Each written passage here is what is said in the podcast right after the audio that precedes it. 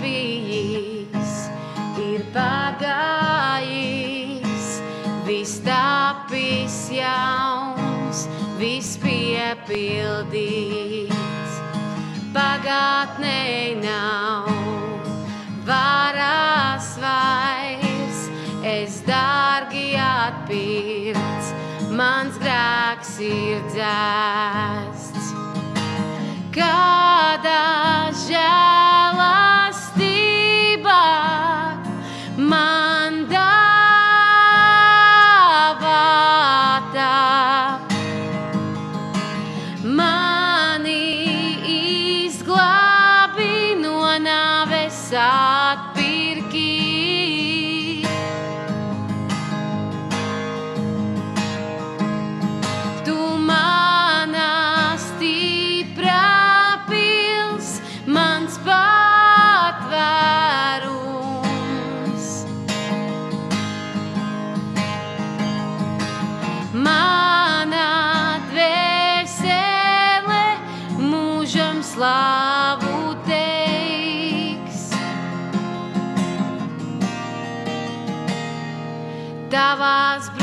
brūcēs dziedināts, darīts brīvs, es esmu dzīvs. Tevi taisnots, tevi svēts, jauns radījums, tevis izveidots. Kādā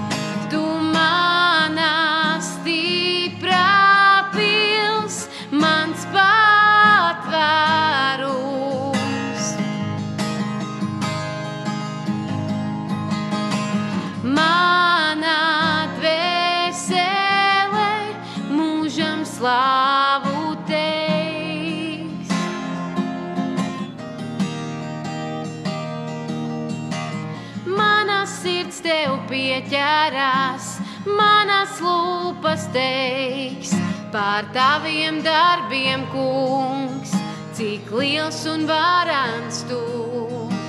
Mana sirds tev pieķērās, manas lūpas teiks par taviem darbiem, kungs, cik liels un varants tu. Mana sirds tev pieķērās, manas lūpas teiks par taviem darbiem, kungs, cik liels un varants tu. Mana sirds tev pieķērās, manas lūpas teiks par taviem darbiem, kungs, cik liels un varants tu. Kādā žēlastībā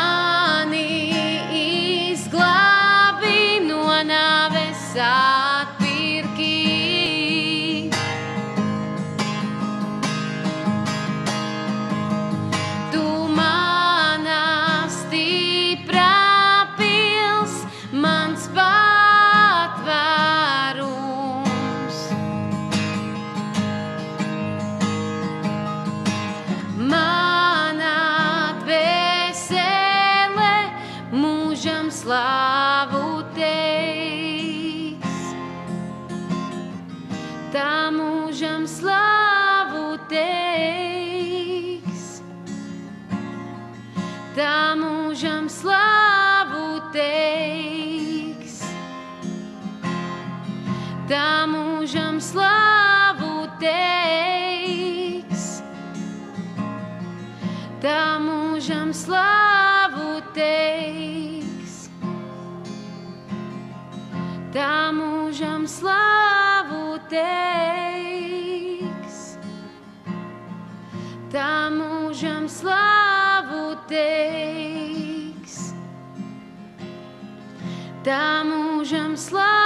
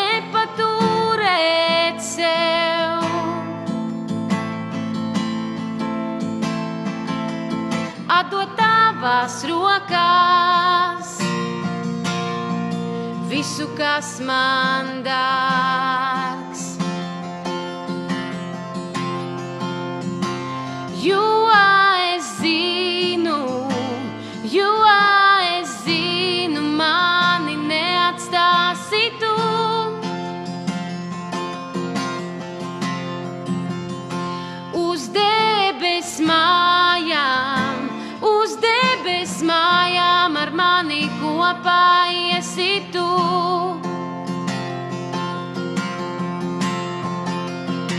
Tad vaigu, vaigā, vaigu, vaigā tevi, Jēzu, satikšu.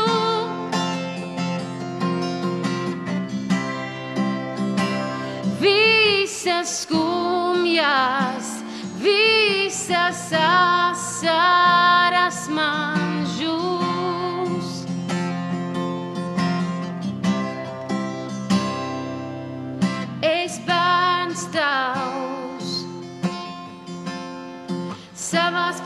tas manī nes. Cieši turot sev klāt, mani vadītu.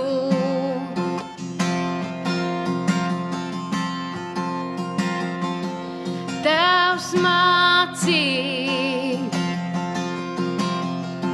neko nepaturēt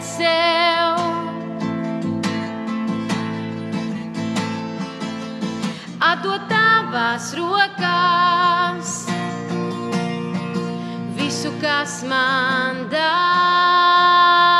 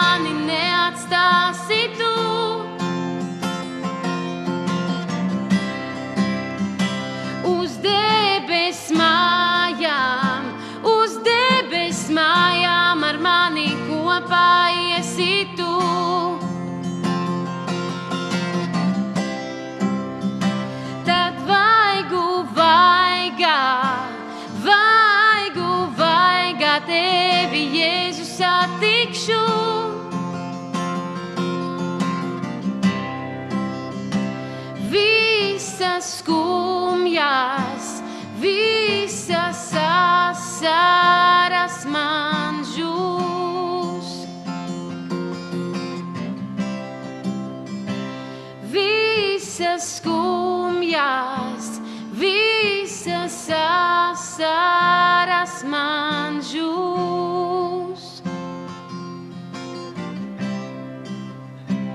Visas skumjas, visas asaras man žūs.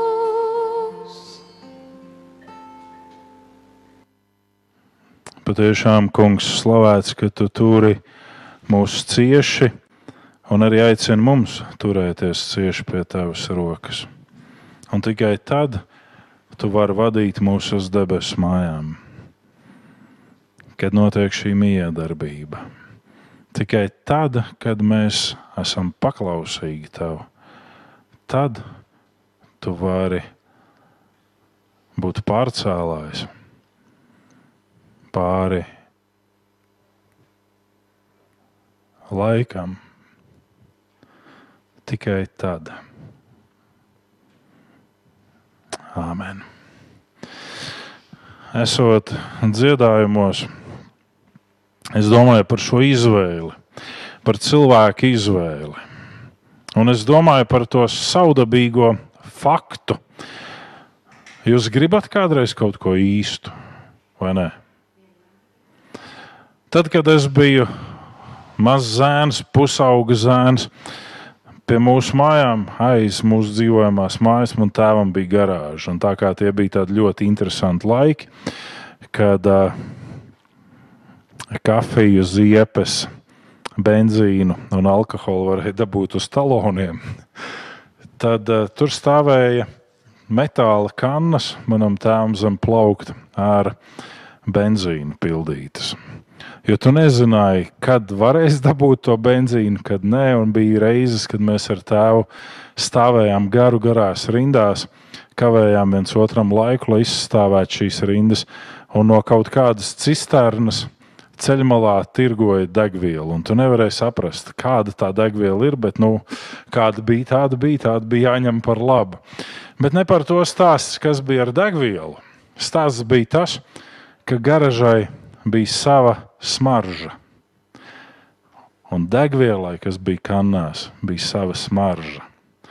Un pēc šīs smaržas varēja pateikt degvielas kvalitāti. Šodien degviela smaržo visa pēc pankūkeļas. Un tu nevari saprast, vai tas ir benzīns, vai tas ir dīzelis, eh, vai tā patiešām ir pankūkeļa, vai, vai kas tur ir. Un tas nav tādēļ, ka kāds ir covid skarts un viņam viss liekas pankūkeļas smaržā. Bet cilvēks saka, es gribu to īsto smaržu, to garažas garšu.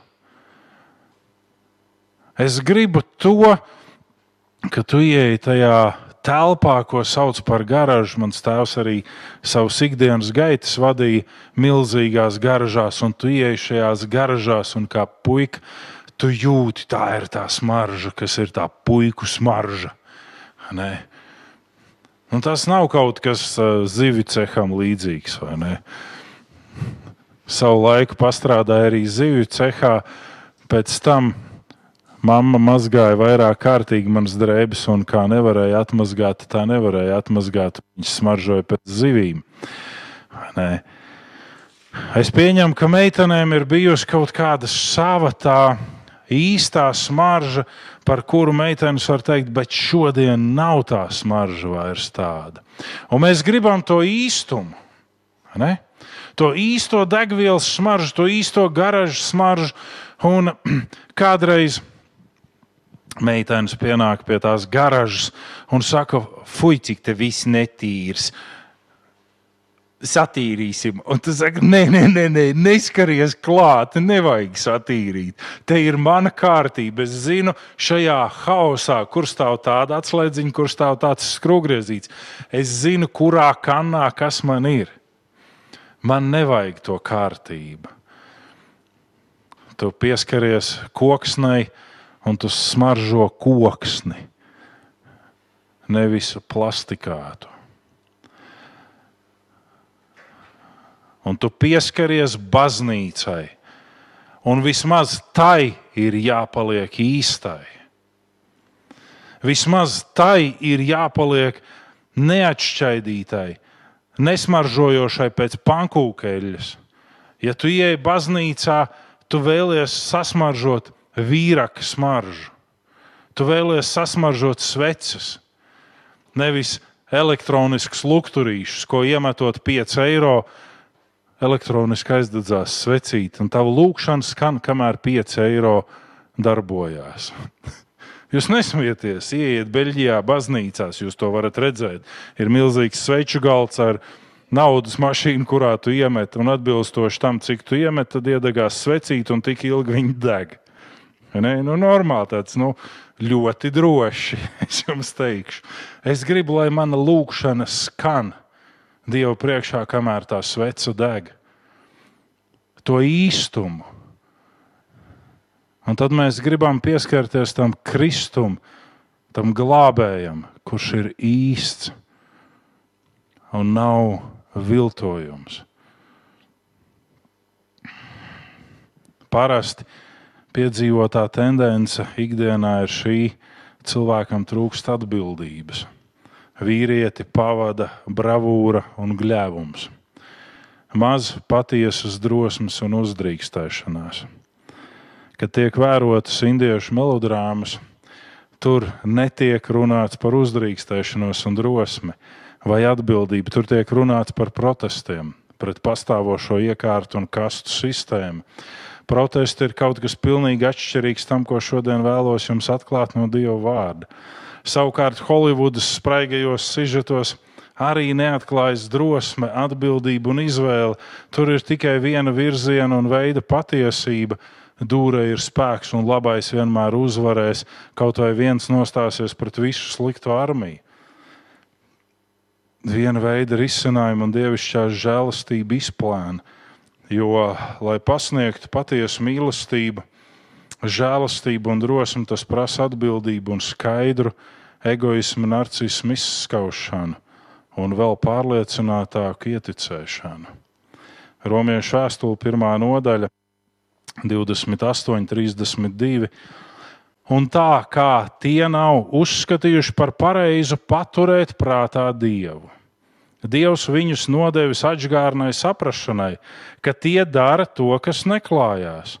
Tie ir pārpilni visādas netaisnības, negantības, alkatības, ļaunuma, pilni skaudības, slepkavību, ķildu, viltības, ļaunprātības, melnesības, aprunāšanas, naidu pret dievu, nekaunības, uzpūtības, lielības, ļaunu blēdību, nepakļāvības vecākiem, pilni neprāta, neusticami, nejūtīgi, nežēlīgi, un viņi, lai gan skaidri zina dieva taisno likumu, ka tie, kas tādas lietas dara, ir pelnījuši nāvi, tomēr nevien paši tā dara, bet atbalsta arī citus, kas tā rīkojās. Āmen. Cilvēki nepaturprātā Dievu. Nevis tas, ka viņi nezinātu Dievu. Nevis tas, ka viņiem nebūtu nojausma, par ko ir vispār runa, bet viņi nepatur prātā Dievu. Tas ir tas, kas šeit ir pateikts. Cilvēka izvēle ir atgādnā cerība. Šī atgādnā cerība paredz, ka es pats noteikšu savu laimes formulu, vai arī paziņošu, ka man nav tiesības būt laimīgam. Abās situācijās laime tiek pielīdzināta nevis apziņas stāvoklim, bet notikumiem, lietām un situācijām. Laime ir personas attieksme pret notiekošo un ne visā apkārtējā apstākļā un lietu kopumā pasniegtais cilvēkam. Cilvēks saka, es gribu sēdēt šeit, un es gribu, lai mani padara laimīgu. Kas, kas tev padarīs laimīgu? Citi cilvēki. Ja manā dzīvē ienāks šie cilvēki, es būšu laimīgs. Ienāk šie cilvēki un izrādās, ka laime nav. Man vajag tās lietas, ja tās lietas ir, izrādās laime nav. Kas padara laimi? Jeb kas padara cilvēku laimīgu, un tā ir cilvēka attieksme pret to, kas notiek šobrīd, un tagad, un šajā situācijā. Mēs varam redzēt šādu tādu piktogrammas, kura parādās, piemēram, cilvēks ar basām kājām, kurš čingst, ka viņam nav apavu, un ka tas viņu padarītu laimīgu, ja viņam būtu apavi, un tajā brīdī blakus piktogrammā ir cilvēks vispār bez kājām. Un tad šis cilvēks, kuram ir plikas kājas, sāk priecāties, ka viņam tomēr ir kājas. Vai patiešām mums ir jānonāk salauztiem, sasistiem ratiņkrēslā, lai mēs novērtētu, ka mums ir dota dzīve? Ka mums ir šī iespēja būt laimīgiem, Nevis tāpēc, ka mums ir kaut kas, kas padara mūs laimīgus. Rokfelleru, to veco, kas mīra pēc otrā pasaules kara. Viņam draugs jautāja, kas tev padarītu laimīgu, un viņš teica, vēl viens dolārs. Hei, jā, tev ir miljardi. Tev patiešām pietrūkst, jā, nu viens dolārs nekaitētu. Blakus ir cilvēki mums mūsu ikdienā, kuriem varbūt nav vispār darba iespējas, ja viņiem ir sarežģīti ar darba iespējām. Viņiem nekaitētu viens dolārs, lai viņi varētu nopirkt savu maizi. Un tur arī nesanāk vairs vesels klaipiņš, tur tikai tāda pusīte sanāk. Nē. Mums ir vairāk kā viens dolārs, un mums viena alga ir par mazu. Mēs esam piedzīvojuši katrs to, ko mēs esam piedzīvojuši savā dzīves gājumā, bet mūs padarīt laimīgi, ja mēs varētu duplicēt visus šos piedzīvojumus. Sakām, patiesi, vai patiesi?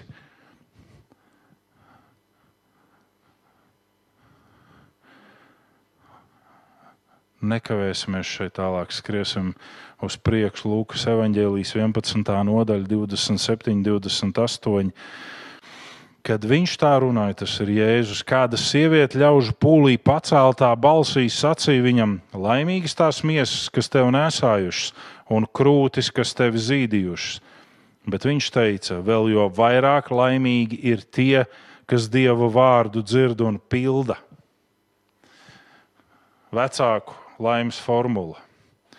Vecāki skatās uz savu bērnu un viņi saka, mans bērns ir tik varens, viņš dara to, viņš dara to, viņš ir tik gudrs, viņš ir tik īpašs, cik es laimīgi. Un to darīja šī sieviete. Viņa teica, laimīga ir tā māte, kas tevi nesāja un baroja.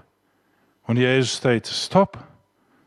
Laimīgi ir tie, kas Dieva vārdu dzird un to pilda. Mēs sakām, kas tā ir pa laimes formulu? Dievu vārdu dzirdēt un pildīt. Jā, viņš teica, cilvēks, kurš dzird un nepilda, ir pielīdzināms vīram, kurš cēla namu bez stipra pamata. Sievietes arī šodien ceļ namus.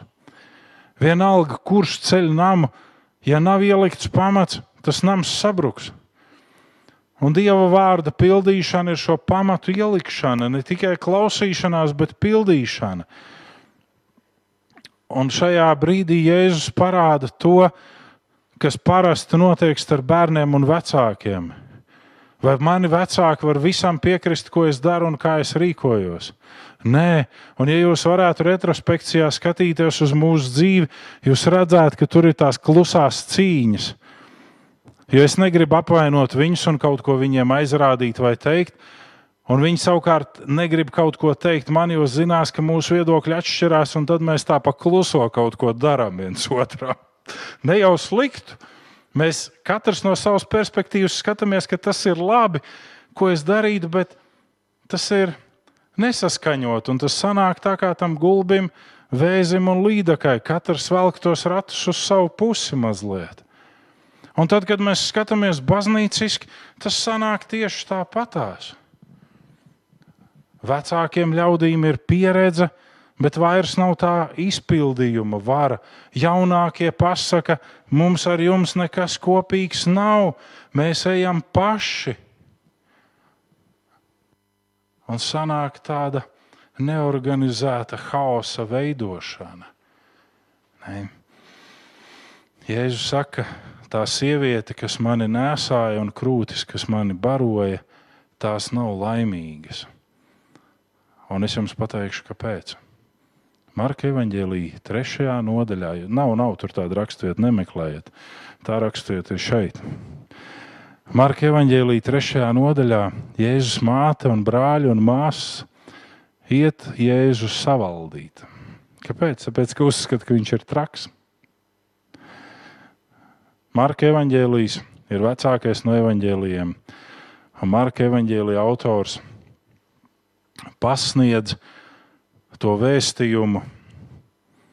Nu, vēsturiski, ja mēs mazliet analizējam, tad ir bijis vēl viens vecāks evaņģēlijs par visiem evaņģēlijiem, un Marka evaņģēlijs ir guvis ieskatu notikumos no šī evaņģēlīja, un Marks ir apstuļu Pētera māceklis. Tas nav tiešais Jēzus aculiecinieks. Līdz ar to šī informācija nāk no apstuļu Pētera un no tā vecākā evaņģēlīja. Un Marks raksta, ka Jēzus māte un brāļi un māsas uzskatīja, ka Jēzus ir tuk, tuk ienāciet un gāja viņu savaldīt. Tad kā šī sieviete saka, laimīgas tās krūtis, ja es saku, sieviete, tu nesaproti. Mana māte mani nesaprot, jo viņai liekas, ka es viņai kaunu daru. Ka vajadzētu plūst ar visu lielo straumi kopā un stāstīt visiem, jā, cik ir labi farizēju, saduķēju, raksturmācītāju mācība, un nenostāties pretīm šai lielajai masai. Padomāsim, vai Marija saprata dieva plānu tajā brīdī, kad Jēzus sita krustā? Nē, viņa nesaprata. Lai cik tuvu viņa būtu bijusi attiecībās dievam, viņa to nesaprata. Jo viņa bija mamma, un mamma vienmēr cieš, ja cieš viņas bērns. Un mamma vienmēr uzdod jautājumu, vai varēja darīt kaut ko savādāk. Varbūt tu pārsteidzies dēliņ, varbūt nevajadzēja tā teikt, vai tā darīt, vai tā runāt. Lūkas evanģēlijas 12. nodaļa, 37, 40. Mēs lasām, laimīgi tie kalpi, kurus kungs pārnācis atradīs nomodā.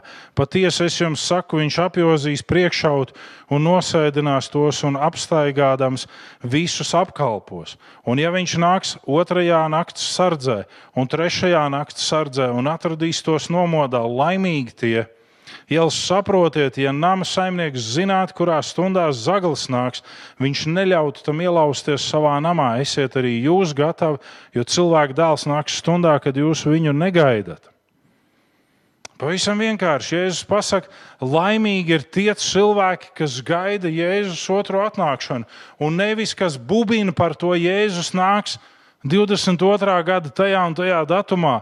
Vai tā kā bija pagājušā gada noslēgumā, man ir pravietiska atklāsme, Jēzus nāks un tiks paņemti īstenībā ticīgie pēc trešās vakcīnas. Oh, kurā pasaules daļā? Kāpēc jūs vēl sēžat šeit? Jūs neesat īstenībā ticīgi. Es nesaprotu, par ko mēs runājam. Citas pasaules daļas jau pieņem ceturto poti tad par ko mēs runājam? Jēzus teica, draugi, mīļie, to nezina neviens. Kad tiks paņemti īstenībā ticīgie, un kad es nākšu atpakaļ uz šo zemi. Bet šeit viņš pasaka, ka laimīgi ir tie kalpi, kas gaida kungu pārnākam. Vai nav tā, ka mēs izkāšam kamieļus? To, kas ir tā vērtība, un aprijam odus. To, kas nav vērtība. Kāpēc odi nav vērtība? Tāpēc, ka pamēģiniet ceļot uz oda muguras pāri tūkstnesim. Uzliekat odam savas nastas un ceļojiet pāri tūkstnesim. Tālu tiksiet? Nē. Bet kamieļi jau ir izmest ārā kamieļi ir izkāsti. Viņi nav vairs šajā saturā, bet odi ir aizķērušies. Un odi mums ir tā vērtība. Mēs skatāmies viens otram virsū un sakam, tev ir svētais gars, vai tu dzirdi svēto garu, runājam ar sevi. Svētais gars ir katrā ticīgajā. Piektdienas vakarā mēs runājam ar kādu brāli par šo ticības faktoru. Un es saku, ko Pāvils saka? Viņš saka, nu, ko viņš saka? Es saku, mīļo brāli, atkārto pēc manis. Glābējs Jēzus ir kungs. Glābējs Jēzus ir kungs. Es saku, nu, lūk, pateici. Žoklī Lomka nebija, varēja pateikt mierīgi to. Jā, varēja. Es saku, nu, tur ir teikts, ka neviens, kurš ir ļaunā gara varā, nevar pateikt, ka glābējs Jēzus ir kungs. Nevar. Es personīgi to esmu pieredzējis, ka cilvēkam tu liec pateikt, glābējs Jēzus ir kungs, un viņš mēģina visādi. Viņš ir kungs, un viņš patiesi ir kungs, un bla, bla, bla. Viņš nevar pateikt, glābējs Jēzus ir kungs. Un neviens, kurš staigā svētajā garā, neteiks, nolādēts, lai ir Jēzus. Neviens. Protams, mums vajadzētu drusku respektēt to brīdi, kad mums uznāk tās izšanās kotletēs un kad mēs mēģinām strīdēties uz Dievu un lamāties uz viņu un, un celt pretenzijas, ka mēs neesam laimīgi viņa rīcības dēļ. Laimīgi ir tie kalpi, kas gaida kungu pārnākam. Un 32. psalms, 1. un 2. pantis saka, Svētīts, jeb laimīgs, kam piedoti noziegumi, kura grēki ir nolīdzināti, svētīts un laimīgs, kam kungs nepielīdzina vainu, kas, kura gars ir bez viltus. Šo jūs varat pasvītrot ar dubultu sarkanu. Laimīgs, kam ir grēks piedots. Kad Dievs piedod grēku, tad, kad cilvēks saka, lūdzu, piedod man. Ja cilvēks savu grēka rīcības rezultātā paliek bez rokas, vai atdošana nozīmē, ka viņa dvēsele tiek mierināta, jeb tas, ka Dievs liek attaukt jaunai rokai? Mēs parasti gribētu, ka attaug jauna roka.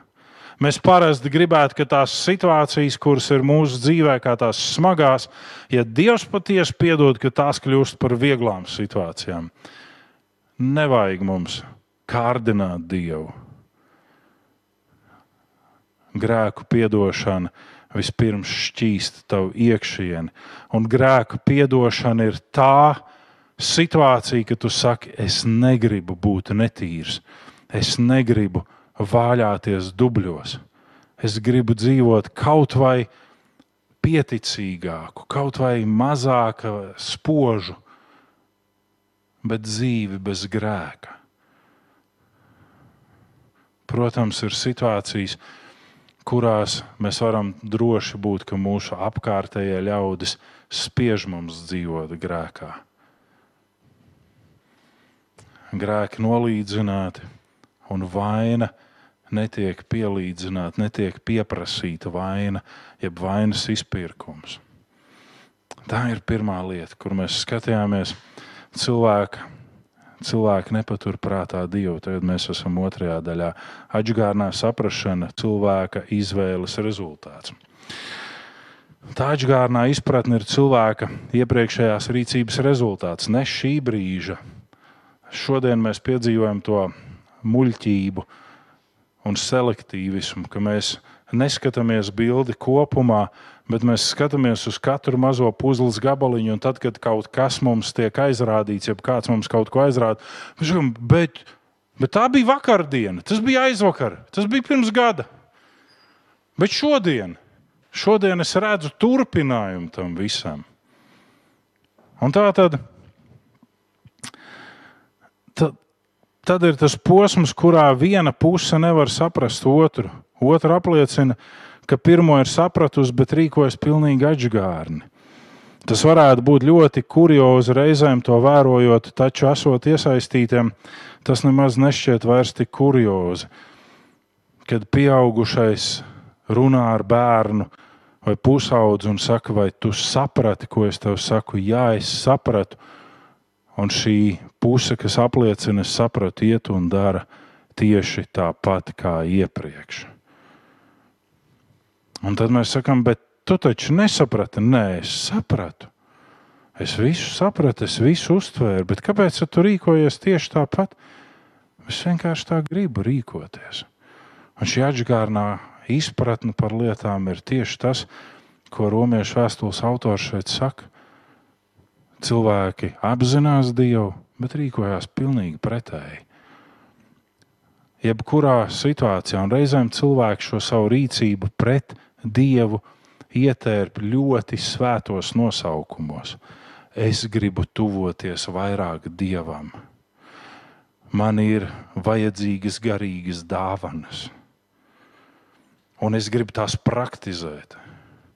Un tad mēs nonākam pie tā, ka mums blakus garīgi un fiziski var nomirt cilvēks, un mums ir pilnīgi uzspļaut uz to. Jo Dievs man nav neko atklājis, ko darīt. Bet šajā brīdī man vajag īpašas atklāsmes par kaut ko manā dzīvē, par ceļojumu, uz kurien doties, par, par kaut kādu citu situāciju. Es runāju jūs prāt, izdomātus tekstus. Starp mums ir brālis, kurš piedalījās vīru lūgšanās. Tajā laikā, kad viņa vecā mamma cīnījās uz dzīvību un nāvi slimnīcā. Viņš teica šiem brāļiem, lūdzu, aizlūgsim. Tur ir ne tikai fiziskais jautājums, bet arī garīgais. Šī vecā māma nebija līdz galam sastapusies ar glābēju jēzu. Ai, nu kas, ko tu ņemies? Kam jāmirst, jāmirst, tas nomirs. Un tad tas aplis iet tālāk, un nāk nākamais brālis un saka, Brāļi, palūksim par to. Man ir priekšā ceļojums, man vajag ceļot, un es tur gribu, lai tā viss tā forša čikaniekā notiek šajā ceļojumā. Tas, zini, kruīzs vai ne, un tā patīkami.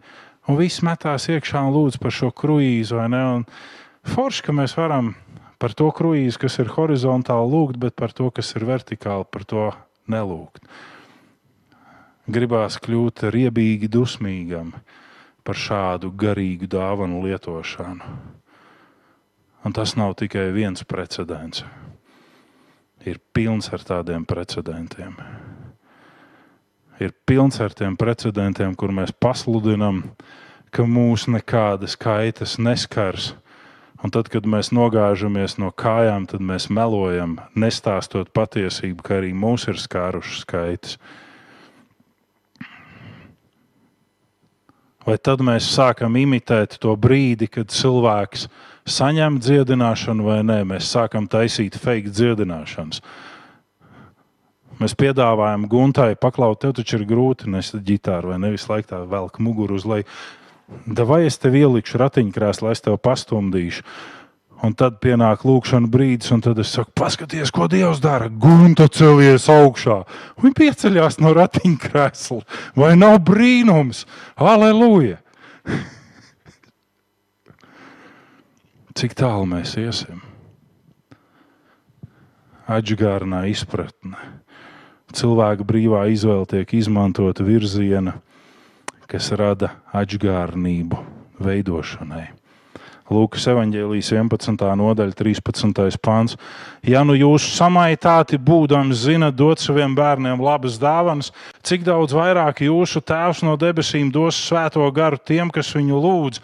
Ja tu lūdz, Dievu, tu saņem svēto garu, un nav jāgaida īpašs notikums. Tev tā dāvana tiek dota, tev viņa ir, vai tu viņu lieto? Vai tu lieto to, ko Dievs tev dod? Vai tu nesāc tam dāvinājumam, kā zirgam, skatīties mutē, kāda tur ir zobiņa? Ah, mazi kaķi zobiņi, nu, kur tad tas zirgs var ko tur darīt? Ne? Nelūri izmanto to, ko Dievs dod. Un negaidi, ka tev obligāti būtu jākrīt gar zemi lūkšanā laikā, vai ka tev būtu ekstātiskā veidā jāsaņem šī dāvana. Jo savādāk tu nevari nonākt pie pestīšanas un ieticēšanas, ja tev nav jau dots svētais gars. Nav iespējams. Kāpēc mēs redzam tos īpašos brīžus Bībelē? Tāpēc, ka cilvēki bija pilni neticības. Apostuli nevarēja noticēt, ka pagāni arī var būt dievam mīļi un dārgi. Un tad Kornelija namā Dievs vienkārši ap bozi ievelk Pēterim papīru un saka, redz, viņi visi saņem svēto garu. Tāpat kā jūs. Apostoli paši bija tik nobijušies, ka viņi muka no svētā gara. Jo 20. nodaļa Jāņa evaņģēlīs. Jēzus atnāk pie apostoliem, viņš ņemiet svēto garu. Neviens neko. Un tad ir apakstuļu darba otrā nodaļa, kur dievam vienkārši ar varu ir jāiedzen tas svētais gars iekšā. Bet tad, kad tu saņem, tad nevajag gaidīt, ka tikai ekstātiskajā pārdzīvojumā atklājās Dievs. Nē, atcerēsimies to, ka tad, kad Jēzus gūstītāja Jāņa evanģēlijā nāca pie Jēzus, tad viņš šī gara priekšā saļima. Ja Jēzus viņiem jautāja, ko jūs meklējat? Un viņi teica, Jēzu, nāciet! Viņš teica, es tas esmu. Un tajā brīdī viņi visi nogāzās pašgar zemi, zirga ar zemi, pilnu mutu ar zemi. Nē. Un tā viņi piesvēmpās kājās, un ja es teicu, nu, ko jūs meklējat? Viņš saka, nu kā, nu jēž. Viņš saka, nu, bet es jums teicu, es tas esmu. Nekur neesmu aizmucis, tepat gaidu jūs. Nē. Reizēm mēs tieši to gribam, lai Dievs mūs paņem tādā veidā, kā pagānus, kā tos, kas ir pretinieki ticībai. Un tad mēs uzskatām, ka mūsos darbojas Dievs muļķīgi. Šī atgādnība tiek dota, lai cilvēks atmostas un iegūtu labo no Dieva. Jo Dievs dod dāvāns tāpat kā tēvs bērnam, novēršoties no sliktā. Cilvēkam būtu jāsaprot, ka viņā rosās kādas no šīm atgādnībām, ka viņa attiecības ar Dievu kaut kas šajās attiecībās nav īsti pareizs un labi. Un tāpēc Dievs pieļauj to, ka cilvēkam, kuram vajadzētu izdvest mīlestību, viņš izdvež egoismu vai narcismu. Cilvēkam, kuram vajadzētu būt uh, rūpīgam, viņš ir sautīgs.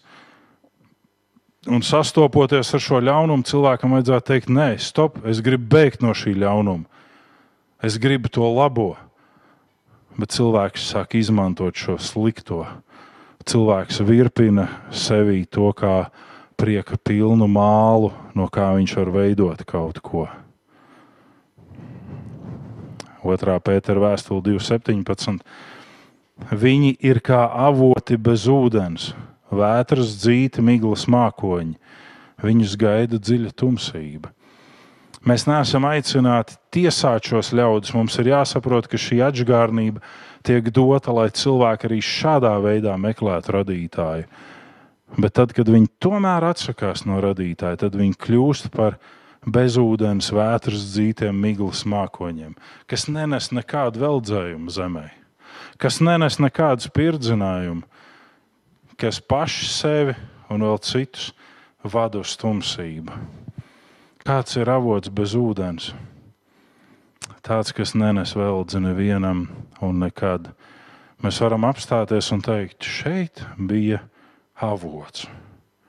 Te ir tikai tāda tā kā gultnīte palikusi. Un tas ir arī viss. Tādi ir šie cilvēki. Viņi var izteikt mīlestību un rūpes visai dzīvnieku valstī. Viņi var rūpēties par visu zaļo dabu, un tajā pašā laikā viņu rūpes apstājās brīdī, kad afrikāņu bērniem ir jāvāc ar rokām kobalts. Tad pēkšņi viņi paliek infantīli rūpi priekšā. Cik slimi mēs varam būt. Pavelk līdzi citus. Mēs lasījām romiešu vēstulē, ka nevienu paši viņi priecājās par to un dara šīs lietas, bet pavelk līdzi citus. Neievēro dievu likumu un attaisno citus, kas dara šādas lietas, novēršās no dieva likuma. Par to tieši šeit ir runāts.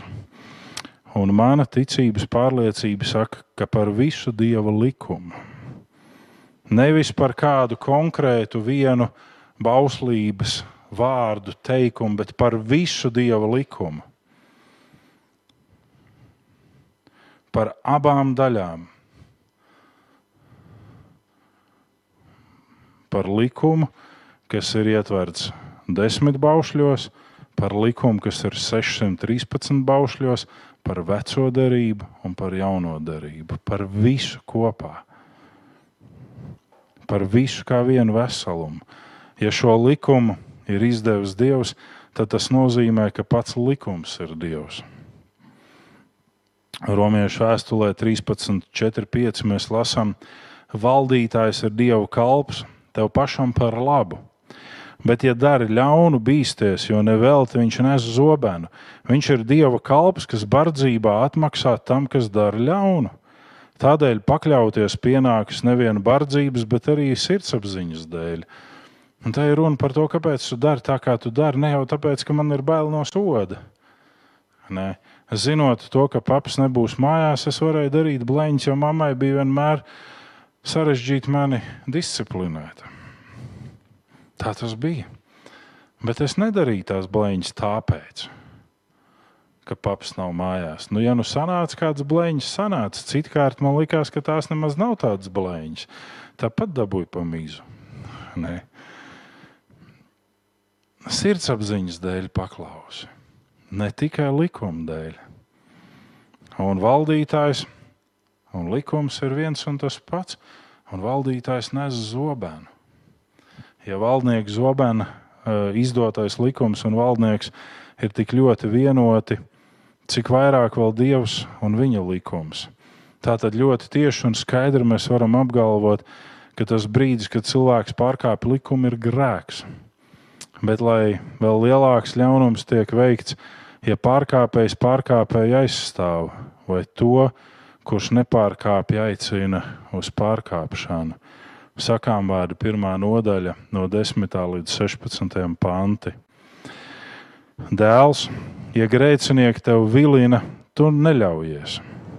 Kad tie saka, nāc mums līdzi, uzglūnēsim, asinis izliet, uzklupsim šķīstajam, kas bez vainas kā šēls aprīsim tos dzīvus, veselus aizrausim bedrē, dārgas mantas sev gūsim, pildīsim namus ar laupījumu un metīsi lozi kopā ar mums.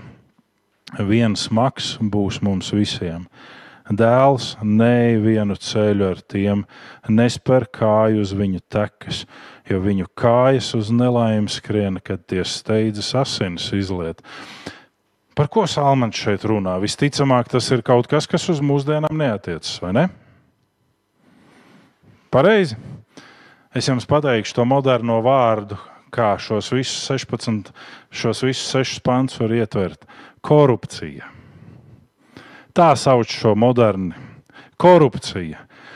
Mēs gūsim to, lai mums šajā dzīvē būtu labi. Mums būs vienots maksas Cik procentu būs tavējā? Ah, desmit, labi.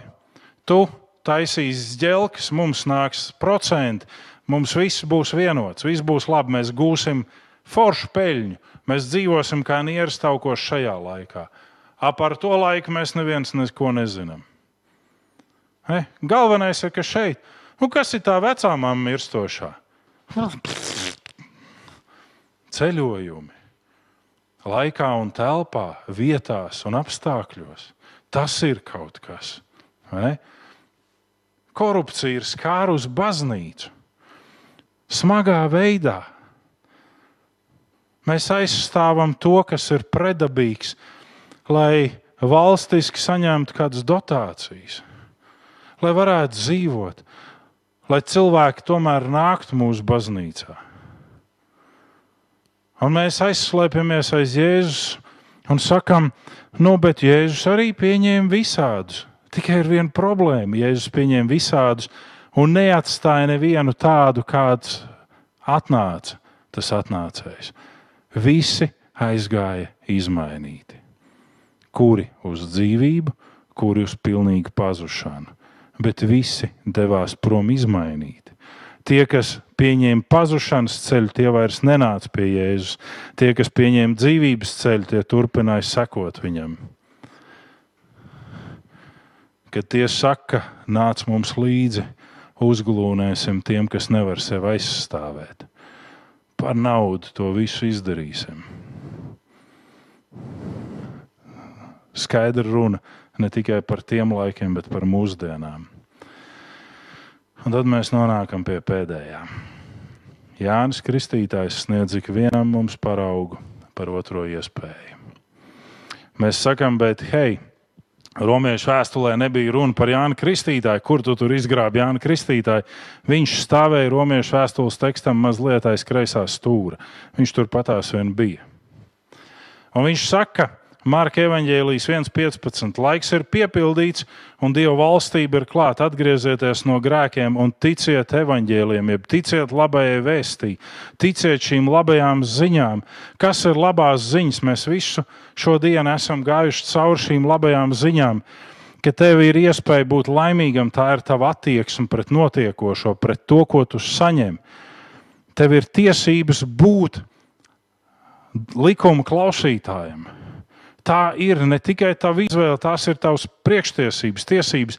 Nevienmēr likumam klausīt ir viegli. Jūs zināt, cik grūti ir braukt ar pietiekami jaudīgu automašīnu ievērojot zīmes, par kurām varētu teikt, man liekas, ka tās ir muļķīgas zīmes, bet sekojot šīm zīmēm, redzēt, kā citi brauc tev garām, kā stāvošam. Nu, tā kāja pati tā spiežās uz akcelerācijas. Nu, normāli, nu, tā dzīve tāda. Ne. Bet, ja tur ir zīme ar ierobežojumu, tad kaut kāda jēga tam ierobežojumam ir. Varbūt, ka nekas cits kā vienkārši mainīt manu personību, manu raksturu, strādāt pie manis. Nē, Dieva vārds mums māca izvairīties, bēgot no korupcijas un netīksmināties par to ļauno, neattaisnot to ļauno, neattaisnot to grēcīgo. Bet mums visiem ir Jāņa Kristītāja aicinājums atgriezties no grēkiem, atgriezties un mainīties. Aizvadītajā laikā ir diezgan daudz nācies runāt par šo laimi, laimīgumu. Kādā situācijā cilvēks man teica, jā, bet ir realitāte. Un es teicu, realitāti mēs veidojam paši. Un vēlāk šim pašam cilvēkam man nācās teikt, laime ir attieksme. Tas nav, jā, izdalās hormoni smadzenēs, bet šie hormoni izdalās mūsu neironu ceļu rezultātā un informācijas apritē, kas norit mūsos. Ja mēs sniedzamies pēc atkarībām, pēc problēmu izraisītājiem, mēs dodam informāciju, ka lūk, šādā veidā vajag panākt laimes izdalīšanos ja mēs sniedzamies pēc paklausības dievam un sajūtam tajā gandarījumu, mēs piedzīvojam šo laimi.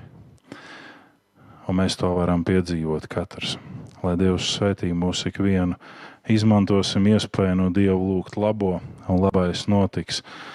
Lūksim atdošanu, un atdošana notiks. Ieticēsim uz evaņģēliju un būsim kā auglīgi koki un ūdens avoti, kas neizsīkst, bet vērd mūžīgai dzīvei.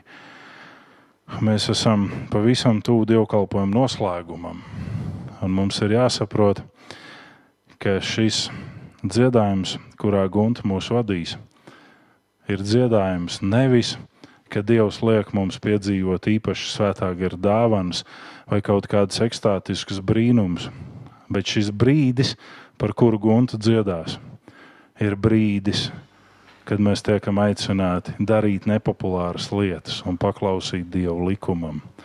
Tas ir brīdis, kurā mēs ļaujam tam dzīves ceļam vērsties tuvāk Dievam un prom no ļaunā. Darīsim to visu kopīgi.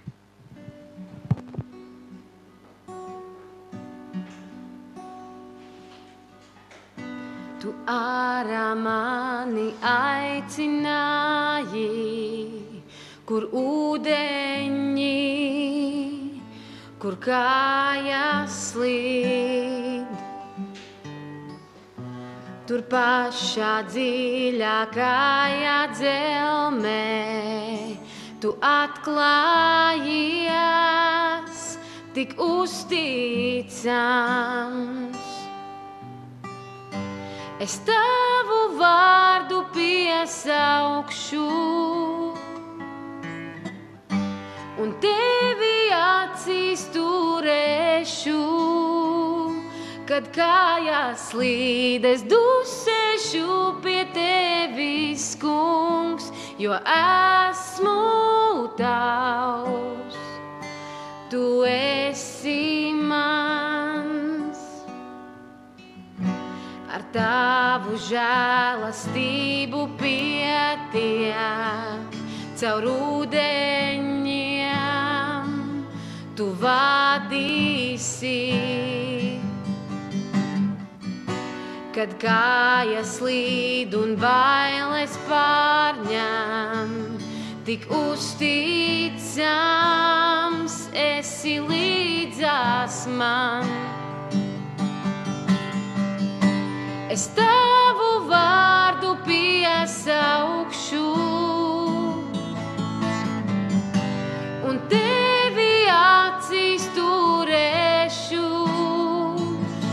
kājās slīd, es dusēšu pie tevis, kungs, jo esmu tavs.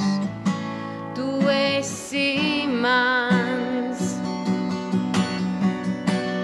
Vadi svētais gars, kur uzticos bez mērā pāri ūdeņiem,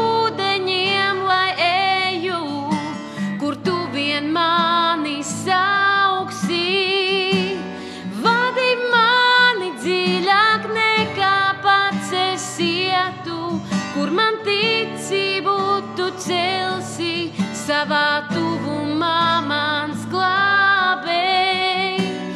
Vadi svētais gars, kur uzticos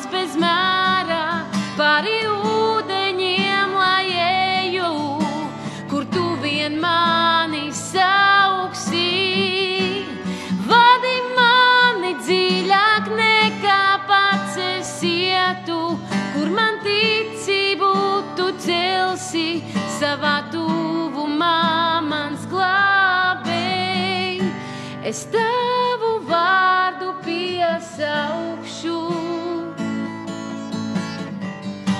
un tevi acīs turēšu. Kad jūrā krāks, es dusēšu pie tevis, kungs, jo esmu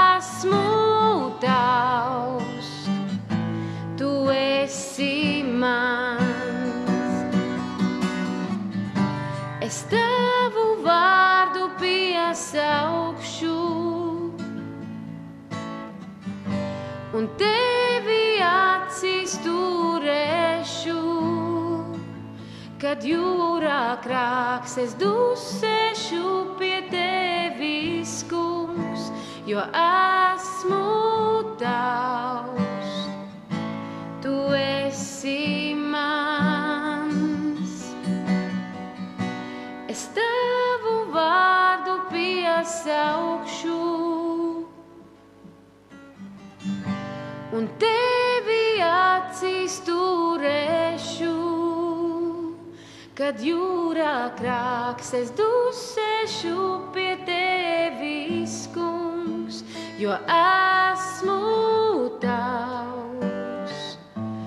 Tu esi mans. Pirms kungs mūs aicina dusēt pie viņa, svētīsim viens otru. Kungs tevi svētī un tevi pasargā. Kungs apgaismo savu vaigu pār tevi un ir tev žēlīgs. Kungs uzlūko tevi ar lapatiku un dod tev savu mieru. Āmen!